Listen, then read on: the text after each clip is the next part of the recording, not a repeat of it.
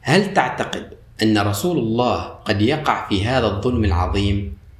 هذا المأزق الكبير يقع فيه كل من يتبنى آراء البعض من فقهاء التراث دون علم وتدبر وتفكر لكتاب الله فالمصدر الرئيسي الأساسي والأوحد للتحريم هو الله وإيصال هذا التحريم للناس لا يكون إلا عن طريق الرسل والأنبياء لكن ما الذي تعنيه هذه الآية؟ ولا يحرمون ما حرم الله ورسوله ولا يدينون دين الحق من الذين أوتوا الكتاب.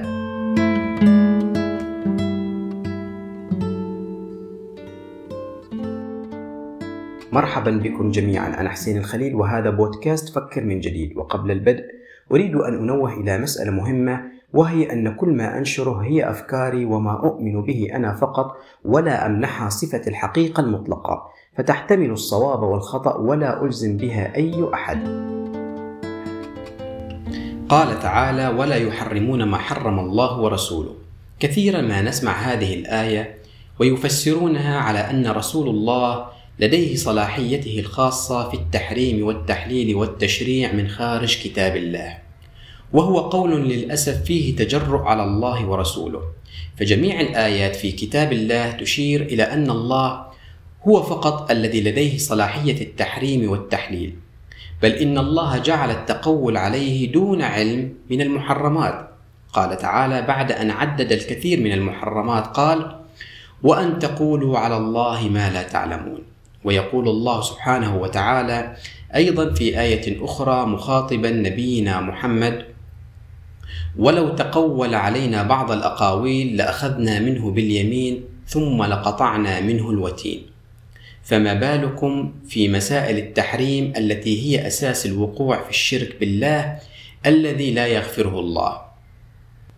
هل تعتقد أن رسول الله قد يقع في هذا الظلم العظيم؟ هذا المأزق الكبير يقع فيه كل من يتبنى آراء البعض من فقهاء التراث دون علم وتدبر وتفكر لكتاب الله. فالمصدر الرئيسي الأساسي والأوحد للتحريم هو الله وإيصال هذا التحريم للناس لا يكون إلا عن طريق الرسل والأنبياء. لكن ما الذي تعنيه هذه الآية؟ ولا يحرمون ما حرم الله ورسوله ولا يدينون دين الحق من الذين أوتوا الكتاب. اولا ما حرم الله تؤكد أن التحريم من عند الله.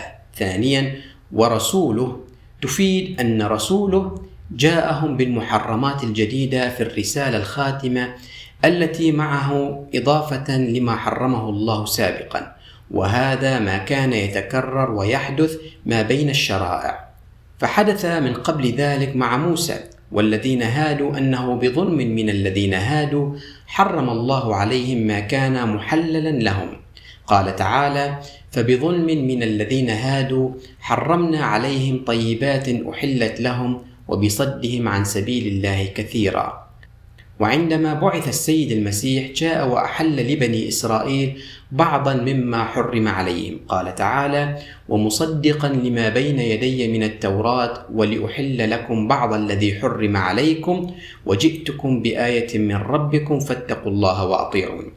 وكذلك الحال مع رسول الله محمد. وبالتالي ما حرم الله تعني ما وصلنا من محرمات في الرسالات السابقة ورسوله تعني ما بينه لنا رسول الله من المحرمات الجديدة في الرسالة الأخيرة الخاتمة عن طريق النور الذي أنزله معه.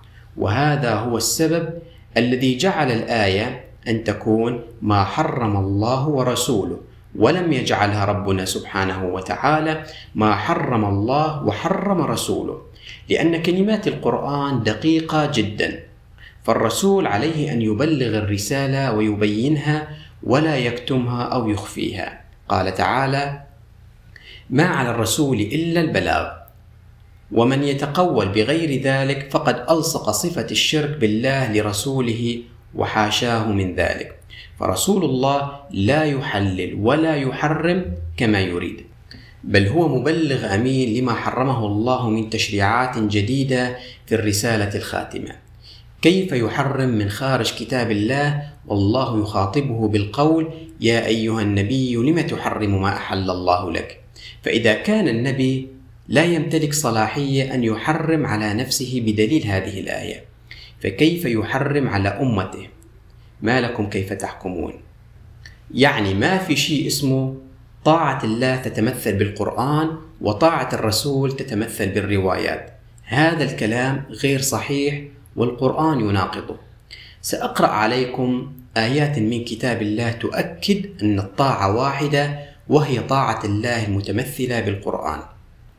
قال تعالى يحلفون بالله لكم ليرضوكم والله ورسوله أحق أن يرضوه إن كانوا مؤمنين. نلاحظ أن الله في هذه الآية قال يرضوه ولم يقل يرضوهما فلو كانت طاعة الرسول منفصلة ولها مصدرها وهي الروايات كما يدعي فقهاؤنا الأفاضل لكانت الآية ببساطة والله ورسوله أحق أن يرضوهما وانتهى الأمر. ولو كانت كذلك لأصبحت شركا بالله ولأصبح القرآن متناقضا وحاشاه من ذلك. فالقرآن دقيق في كل حرف فيه. ويقول الله سبحانه وتعالى أيضا في آية أخرى وما نقموا إلا أن أغناهم الله ورسوله من فضله. هنا قال الله من فضله ولم يقل من فضلهما وهناك أيضا آية أخرى تقول ومن يطع الله ورسوله يدخله جنات يدخل جنات. نلاحظ هنا أيضا أن الله سبحانه وتعالى قال يدخله ولم يقل يدخلاه.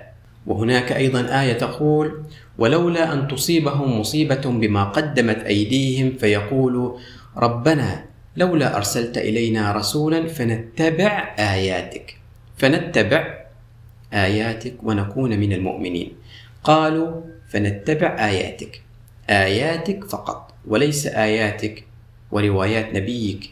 يا من تدعون أن الروايات وحي ثاني ويقول الله سبحانه وتعالى في سورة الأنفال يا أيها الذين آمنوا استجيبوا لله وللرسول إذا دعاكم لما يحييكم.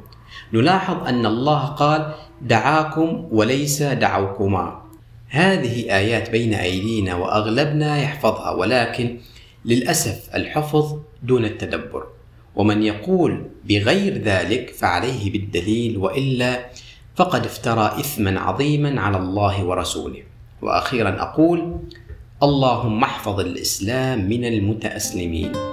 هذا هو موضوعنا لهذا اليوم ودمتم بود. والسلام عليكم.